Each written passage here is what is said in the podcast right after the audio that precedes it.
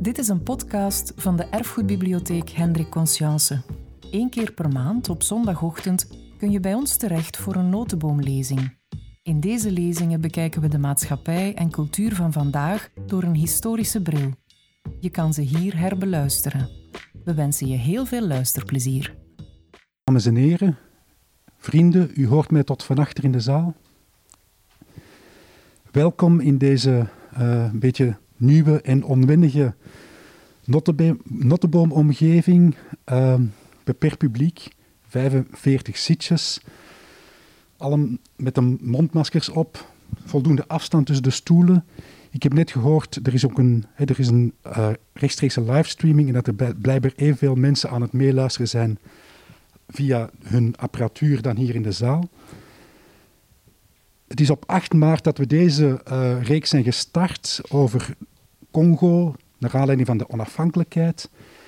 Um, dat was een lezing van Lieve Joris, een soort van Afrikaanse autobiografie. En dat was nog in onze vertrouwde notenboomomgeving, met een volle zaal, 90 zitjes. Um, toen zaten we nog veel te dicht bij elkaar. We wisten nog niet dat de lockdown er toen ging aankomen. Het was natuurlijk al, het ging volledig in de lucht. Dus sindsdien is onze, ons leven, onze leefwereld serieus veranderd en moeten we met de COVID-19 uiteraard rekening houden, ook bij deze lezing. Het is vandaag Filip van den Bos, Boske die uh, de lezing komt geven. De titel is De Mercatorkaart en hoe hedendaagse Afrikaanse kunst een andere manier van kijken aanreikt. Filip heeft uh, kunstgeschiedenis gestudeerd aan de Universiteit van Gent, nadien de curatoropleiding uh, aan de Appel in Amsterdam, is dan zes jaar curator geweest in het Van Abbe Museum in Eindhoven en twaalf jaar directeur van Museum, het Museum voor Hedendaagse Kunst in Oostende. En voor het museum heeft hij een aantal spraakmakende tentoonstellingen gemaakt, vooral over de modernistische Belgische kunstenaars en ook Afrikaanse kunst.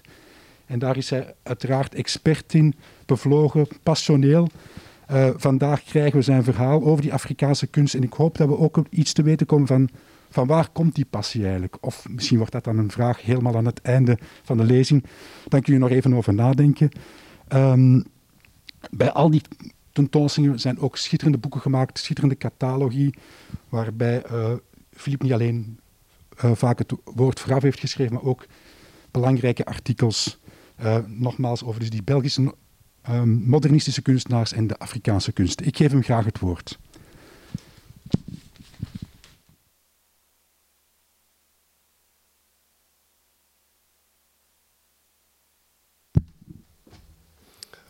Hartelijk dank, Koen. Um, ik hoop dat ik goed verstaanbaar ben. Um, maar dus welkom. Um, het, het, doet deugd om hier te staan. Zelf al heb ik wat plankenkoorts ook, denk ik. Maar het doet deugd om niet achter een computer uh, te moeten vergaderen of te moeten spreken. Maar hier vandaag, dus met een publiek, een verhaal te kunnen brengen.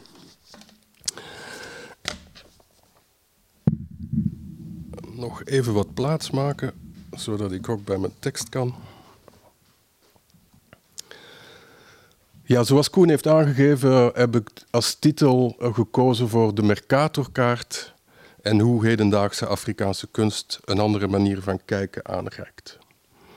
Vorig jaar, op 27 juni 2019 om precies te zijn, gaf Syndica Docolo, kunstverzamelaar en zakenman, een voordracht op de statige trappen van Beaux-Arts te Brussel. Achteraf kreeg hij een staande ovatie. Het was de opening speech van de tentoonstelling Incarnations, African Art as Philosophy. Een tentoonstelling van zijn eigen collectie, dat hij samen met de Zuid-Afrikaanse kunstenaar Kendall Gears had samengesteld. Ja, we zien hier de affiche van de tentoonstelling African Art as Philosophy. Als inleiding zou ik graag een deel van zijn toespraak voorlezen en ik citeer. In feite tonen kaarten van voor Mercator en veel kaarten Afrika met het noorden naar beneden en het zuiden naar boven. Dat wordt een afrocentrisch standpunt genoemd. En inderdaad, zegt hij, de aarde is een bol die in het universum zweeft en in het universum is er geen boven of beneden. Ik vind het niet onbelangrijk om dit naar voren te brengen, zegt hij. Dat ervoor gekozen is dat Europa bovenaan staat en Afrika onderaan. En ik ga verder met het citaat. Ten tweede besloot Mercator, deze renaissance-geograaf, te proberen de scheepsvaartsroutes te ontwikkelen en te helpen door rechte lijnen te trekken. Hij besloot om een wereldbol als een tweedimensionaal object op een kaart te projecteren en die we vandaag de dag nog steeds gebruiken. Het probleem is dat als je dit wiskundig doet, geeft hij aan, je een referentiepunt moet kiezen. Het referentiepunt bepaalt eigenlijk welk deel het best vertegenwoordigt of het grootste zal zijn en welke zal leiden. Ik had zeker, zoals jullie hier allemaal, geleerd dat Europa proportioneel vergelijkbaar was met Afrika, of zelfs een deel van Afrika. In werkelijkheid, als we kijken in termen van oppervlakte en vierkante kilometers, zou Afrika in China, India, Noord-Amerika, heel Oost-Europa en enkele andere landen kunnen passen.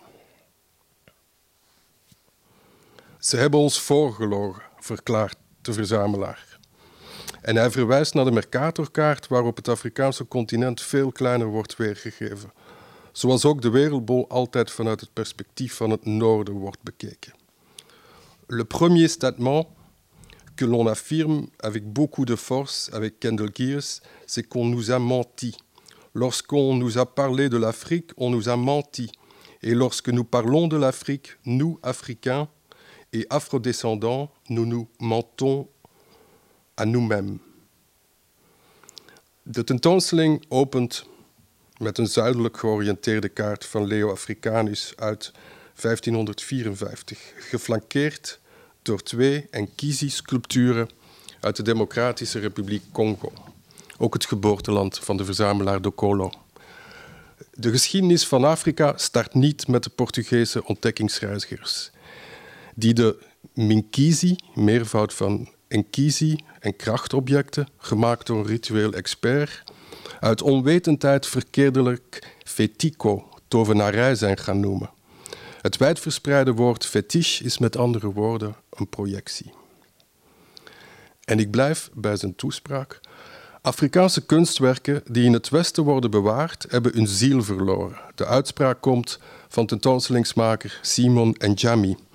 En hij verwijst in zijn opiniestuk, gepubliceerd in Le Monde op 25 juni, enkele dagen voor de opening van Incarnations, naar de, de iconische documentaire film Les statues meurent aussi, uit 1953 van Chris Marker en Alain René.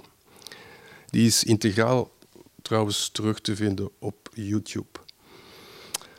Alioune Diop, oprichter van de uitgeverij Présence Africaine, heeft de toen jonge cineasten Chris Marker en Alain René, de gegeven. Dit. Le film est une commande, faut-il le souligner, faite par des Africains pour répondre, ou mieux encore dénoncer, le sort fait aux cultures africaines par la colonisation. Il fut interdit, est-ce un hasard, pendant près d'une dizaine d'années par l'État colonial. Syndica Dokolo geeft Simon Njami alle krediet voor het gebruik van de term klassieke kunst als nieuw alternatief voor etnografische kunst. Tot enkele jaren terug heeft hij zelf altijd een onderscheid gemaakt tussen zijn kunstverzamelingen. In de tentoonstelling Incarnations in Bozar en dankzij de voorafgaande gesprekken met Kendall Gears brengt hij ze voor de eerste keer binnen eenzelfde inhoudelijk kader samen. Ze vormen vanaf nu één collectie. Aan het eind van zijn toespraak gaat Tokolo nog een stap verder en formuleert als conclusie hoe het verzamelen van kunst hem doorheen de jaren spiritueel en als vader heeft gevormd. Met het tonen van zijn verzameling wenst hij een visie te delen, zowel met alle Afro-afstammelingen als met iedereen geïnteresseerd in Afrika, in kunst en humanisme in het algemeen. Hij roept op om Afrikaanse kunst als een filosofie te benaderen en spreekt van een Afrikaans neo-existentialisme. Het bestaan gaat met andere woorden vooraf aan de essentie, de handelingen die je stelt, de keuzes die je maakt. En ik sluit uh, hier af met een laatste stukje citaat van Syndica Colo. Dit is precies de uitdaging voor Afrika en Afrikanen. Om te definiëren wie we zijn, om opnieuw de bron van onze eigen gedachten en kijk op de wereld te worden. Ik heb ervoor gekozen om vandaag in en uit te zoomen tussen enkele voorbeelden van tentoonstellingen, kunstenaars en een stukje recente geschiedenis. Of nog meervoudige archieven tussen België en de Democratische Republiek Congo. Het is een subjectieve keuze, ver van compleet. En vooral, ik ben geen specialist hedendaagse kunst uit Afrika. Maar wel een liefhebber van kunst en van kunst als filosofie. De afgelopen jaren heb ik het, heb ik het geluk gehad om naar een aantal Afrikaanse landen te kunnen reizen, om te leren, om te luisteren. En ik had ook een lezing kunnen maken en kunnen focussen op de biennales, de kunstplekken op het Afrikaanse continent. Of nog, um, ik had kunnen stilstaan bij een tentoonstelling die ik onlangs of begin dit jaar in Marrakesh heb gemaakt. Maar ik heb een andere piste uh, genomen toen ik uh, deze lezing voorbereidde. Ik geef wel twee kleine voorbeelden die een beetje losstaan uh, van het onderwerp, maar toch niet helemaal.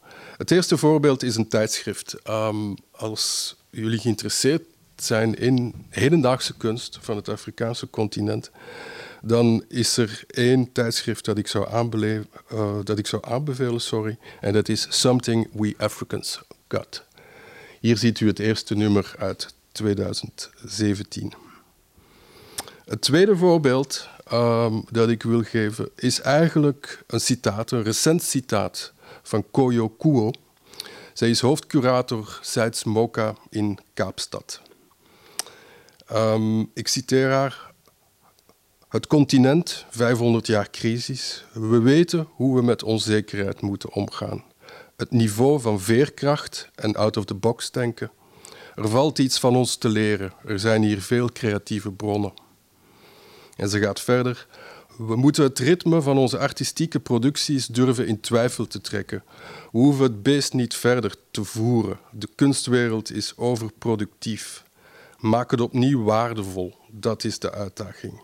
En ze benadrukt tijdens een schermdialoog met haar collega Merim Berada van Makal in Marrakesh radicale solidariteit. Niemand zal het alleen kunnen doen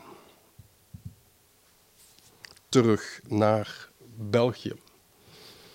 Met um, een affiche die momenteel in de Parijse metro's hangt. En um, voor diegenen die het Paleis van Schone Kunsten kennen, um, dat is de ingangshal.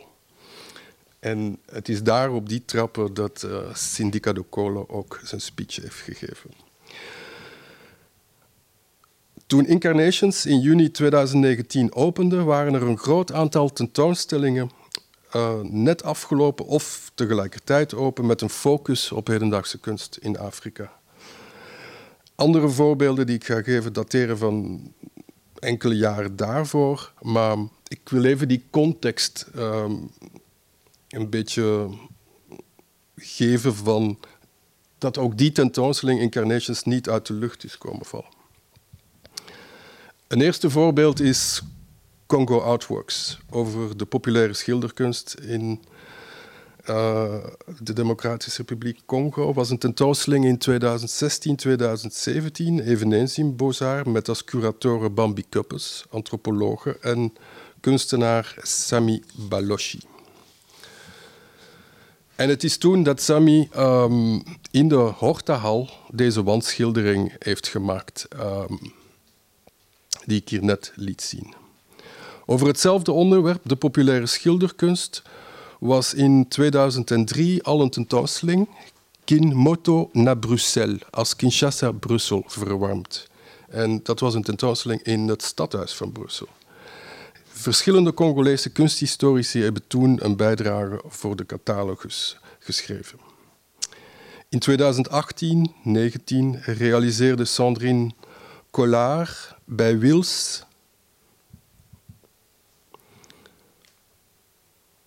Even kijken, ja, dat is de juiste afbeelding.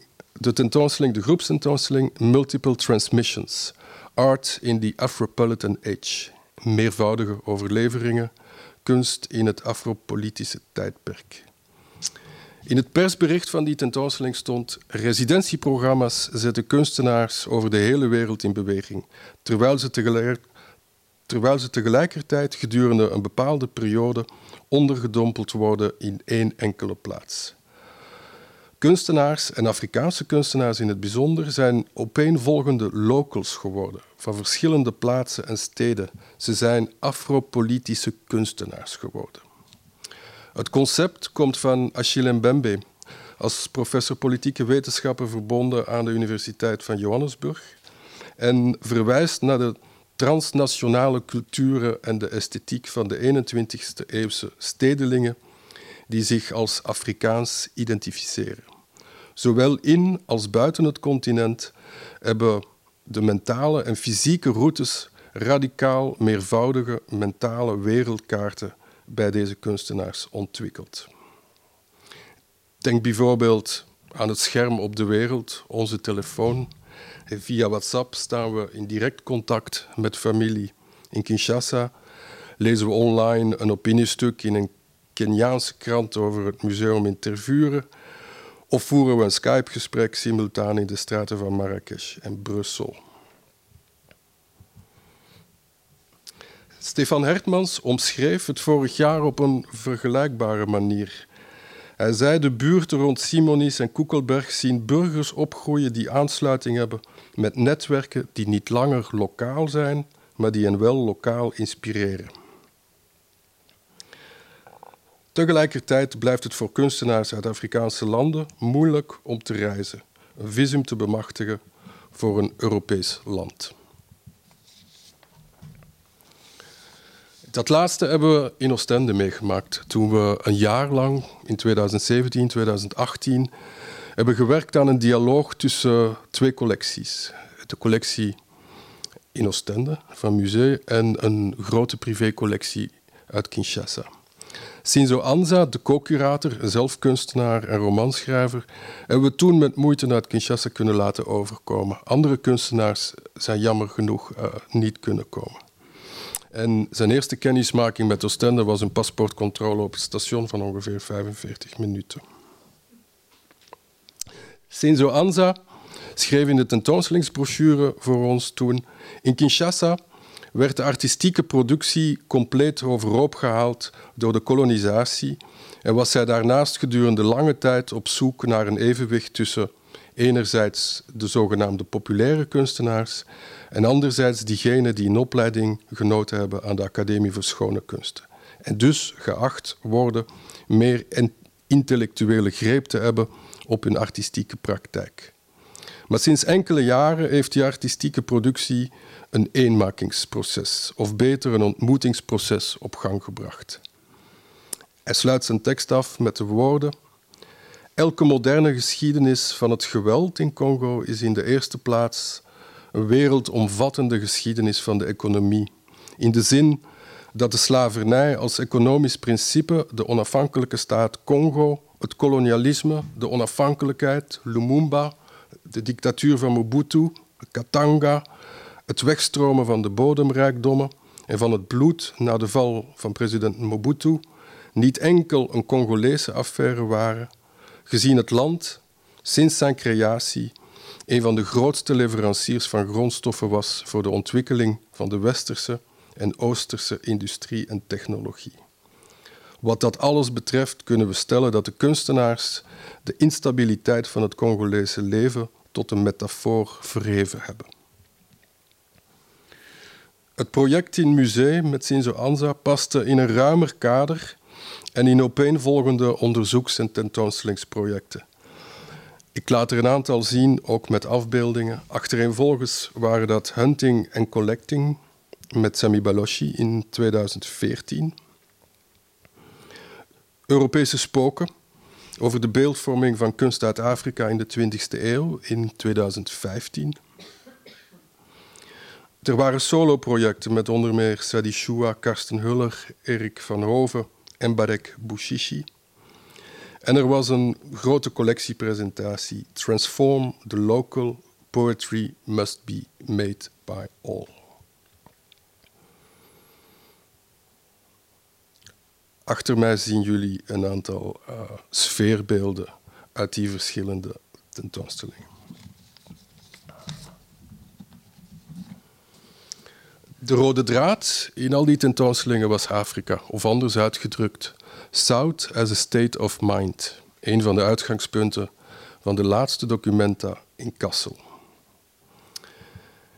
En een kleine anekdote over die documenta 14 in 2017. Ze is niet grappig, wel veel betekenend, denk ik, en uh, was voor mezelf een redelijk confronterende ervaring. Ik was gefascineerd door een, door een wat ik een geheimzinnige installatie zou noemen. Een wereld van tekeningen en tekens, een soort initiatie. Op het titelkaartje zag ik de naam van de kunstenaar, Pelagi Shbagidi, geboren in Dakar, Senegal. En daaronder stond, woont en werkt in Brussel. Ze bleek al tientallen jaren in België te wonen, maar voor mij en voor de Belgische kunstwereld was ze volledig onzichtbaar.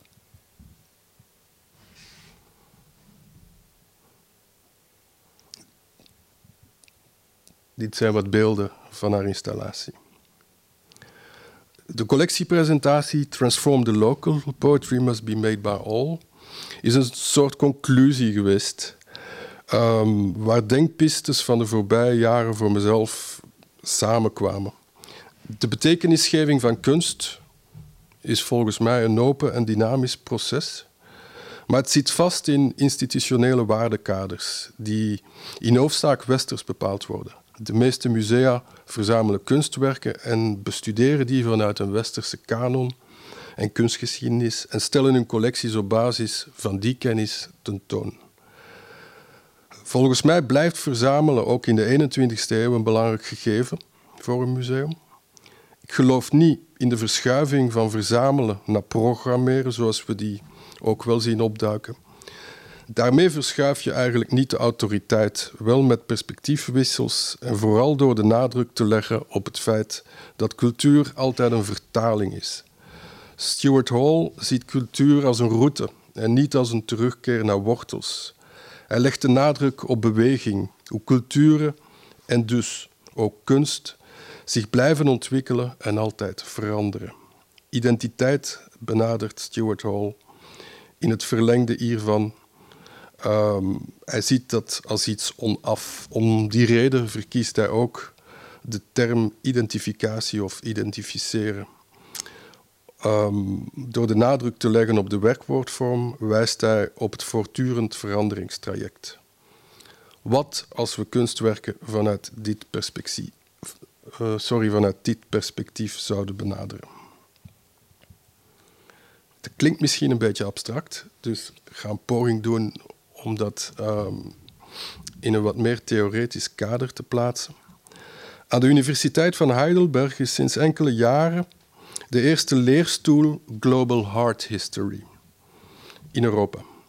Geen enkele kunst wordt er bevoordeeld, ook niet de westerse avant-garde-bewegingen. Kunstpraktijken worden onderzocht vanuit hun sociale en culturele omgeving. Ook vanuit een specifieke context met een regionale ambachtelijke productie en een lokaal perspectief of op mondiale ontwikkelingen. Of nog anders, met de woorden van professor Monica Junea. Ze koppelt Global Art History uh, aan een ander begrip, en dat is het begrip transcultureel.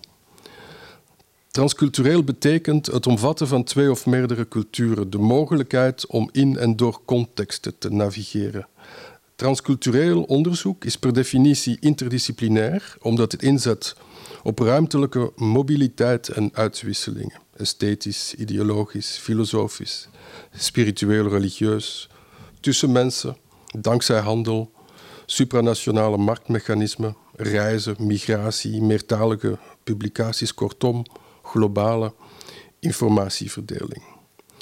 De definitie van Monica Junea van Global Art History is de volgende, en ik heb ze vertaald uh, naar het Nederlands ook. Global Heart History, gedefinieerd als transcultureel, betekent het vinden van een taal om de interactieprocessen die een kunstpraktijk vormen, zoals kopiëren, vertalen, aanpassen, reconfigureren, zelfs weigeren of verzet, te beschrijven en te analyseren. Concepten als kopiëren, repareren, bricolage. Het zijn allemaal belangrijke categorieën van een transculturele globale kunstgeschiedenis en moeten worden bevrijd van de negatieve connotaties die eraan verbonden zijn door de modernistische nadruk op, op originaliteit. In 2018 kreeg de Congolese kunstenaar Bodis Isekingelis een solo-tentoonstelling in het MoMA te New York. Het was de allereerste solo-tentoonstelling gewijd aan een Afrikaanse kunstenaar sinds het ontstaan van het museum in 1928. Het MoMA is het oudste museum voor moderne en hedendaagse kunst ter wereld. Sami Balochi schreef een tekst voor de catalogus. Hij evoceert daarin hoe hij samen met antropoloog Philippe de Boek in mei 2015 de urbanistische structuur van Kinshasa probeert te doorgronden. Een koloniale stad ontworpen voor 400.000 inwoners en met nu naar schatting 11 miljoen inwoners. Ik heb het nagekeken vanochtend en um, blijkbaar staat op Wikipedia dat het nu al meer dan 12 miljoen is.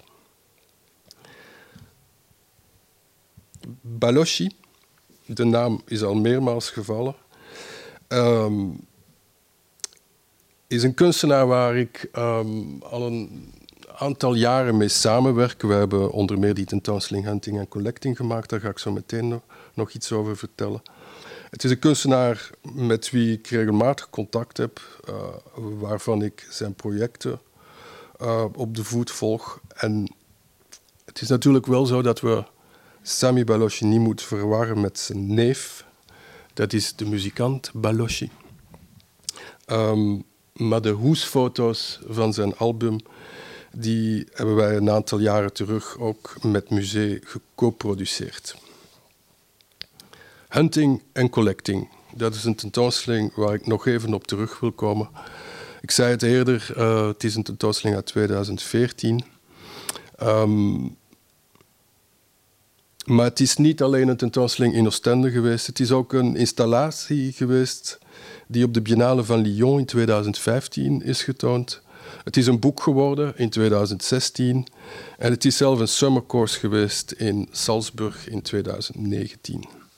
Aan de basis van die tentoonstelling ligt een gevonden fotoalbum met herinneringen uit het begin van de 20e eeuw van een koloniale jager, de Belgische militair Henri Pauwels.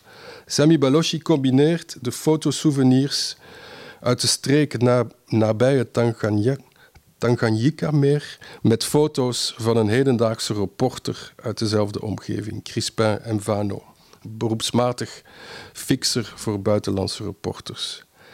Hij monteert ze tot een nieuwe collage. Daarnaast heeft hij volgens eenzelfde methodologie de museumcollectie onderzocht en bijvoorbeeld de spotprenten van James Ensor met koloniale jachtfoto's in een ander kader geplaatst. Indirect wordt het, wordt het ideologisch karakter van publieke collecties op de museumagenda gezet. Ook de Congo-archieven, speerpunten en koloniale boeken van een suppost krijgen een plek in dialoog met bloedige communicatiecampagnes over mobiele telefoons. Waar komen onze gsm's vandaan? Of onderdelen van die gsm's. De Kivu-streek, daar waar de kostbare grondstof coltan in de grond zit. Verder nodigt Balochi ook jonge kunstenaars uit in Hunting en Collecting. Um, onder meer Salomé Lalou-Bart, Sinzo Anza, Josh Zenga. Ze geven allemaal vanuit hun eigen invalshoek commentaar op de geopolitieke situatie in Congo en het economisch neocoloniaal imperialisme. Alles draait rond de mineralen. Symbolen behelzen machtsrelaties. Het archief is ook een symbool. Door in 2010 naar België te verhuizen, heeft de kunstenaar toegang tot Congo-archieven gekregen. Wie controleert het beeld over Congo en haar inwoners? Welke hiërarchische structuren schuilen daar tot op ede achter? Deze vragen voeden Balochi's interesse in fotografie. In een interview met Mo Magazine vertelt hij: Fotografie is voor mij al lang geen accumulatie meer van beelden die tot stand komen op het moment dat je afdrukt. Wat mij intrigeert, zegt hij, is de context en de dialoog die je daarmee op gang kan brengen. Daarom begint het altijd bij onderzoek en bij dingen die fotografie net niet kan weergeven. Ik zoek naar parallellen, naar verhalen, naar verhalen die alleen duidelijk worden bij een compositie van verschillende elementen.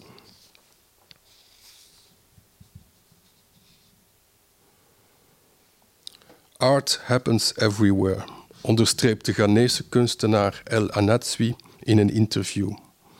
En niet alleen in het Westen. Triumphant Scale is de grootste overzichtstentoonstelling ooit aan zijn oeuvre gewijd en maakt van Haus der Kunst in het voorjaar van 2019, van 2019 te München een meer dan symbolische kunstplek op de wereldkaart.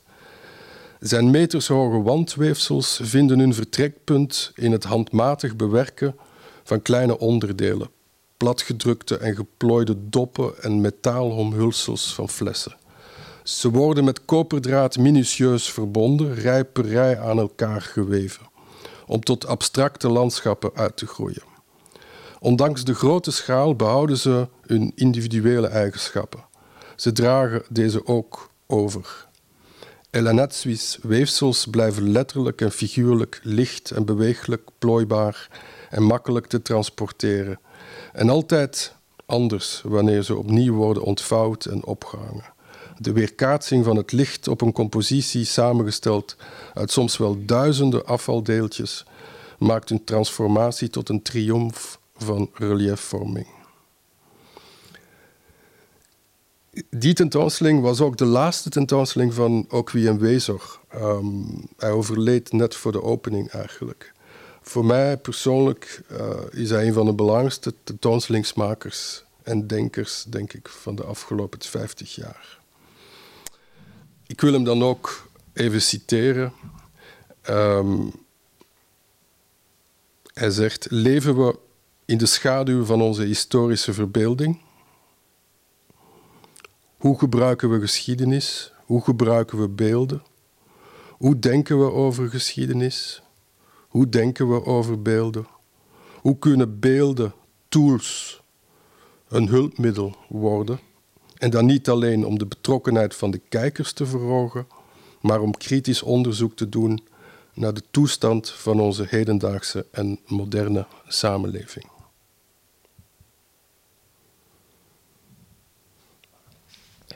Dit is een prent uit juni, net voor de zomer, uh, in Brussel gemaakt door Papa en Fumeto Le Premier.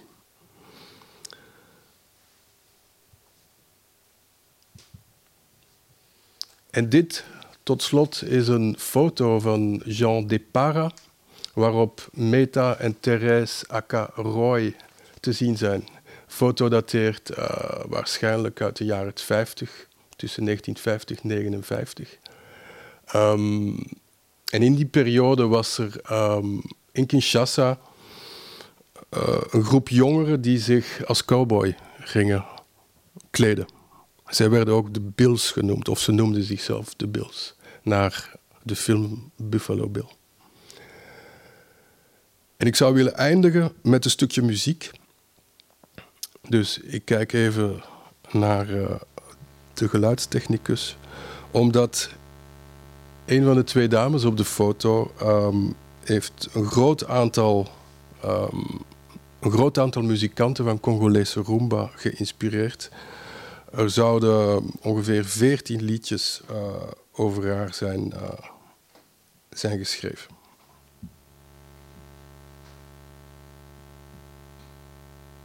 Even zien of ik die toets. Oh.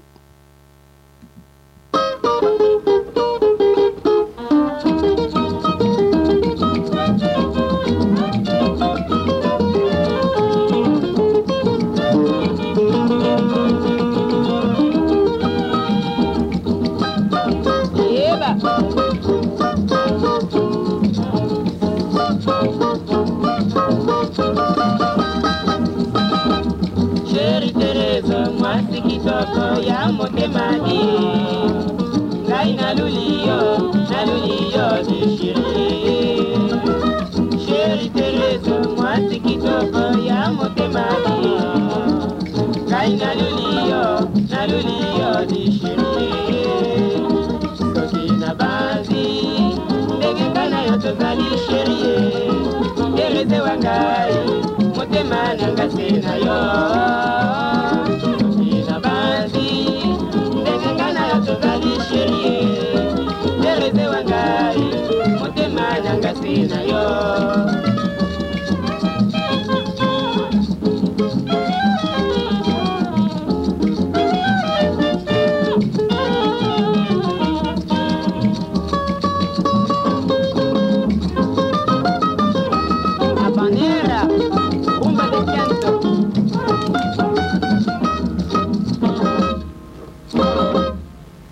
nakutakiyo na ye olobaki ndeko na yo tete nalingaki mpe na swana kasi kilo ekoki te ya ye.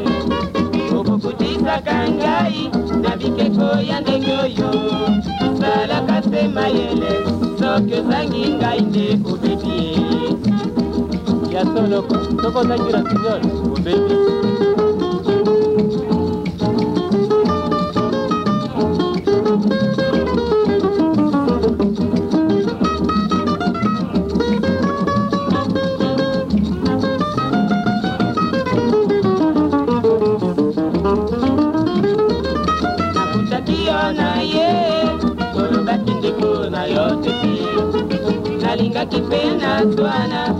kilo ekoki te ya ye okokutisaka ngai na bikeko ya ndenge oyo.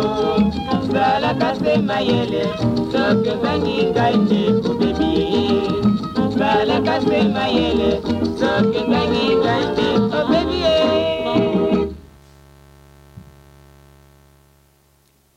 Hartelijk dank.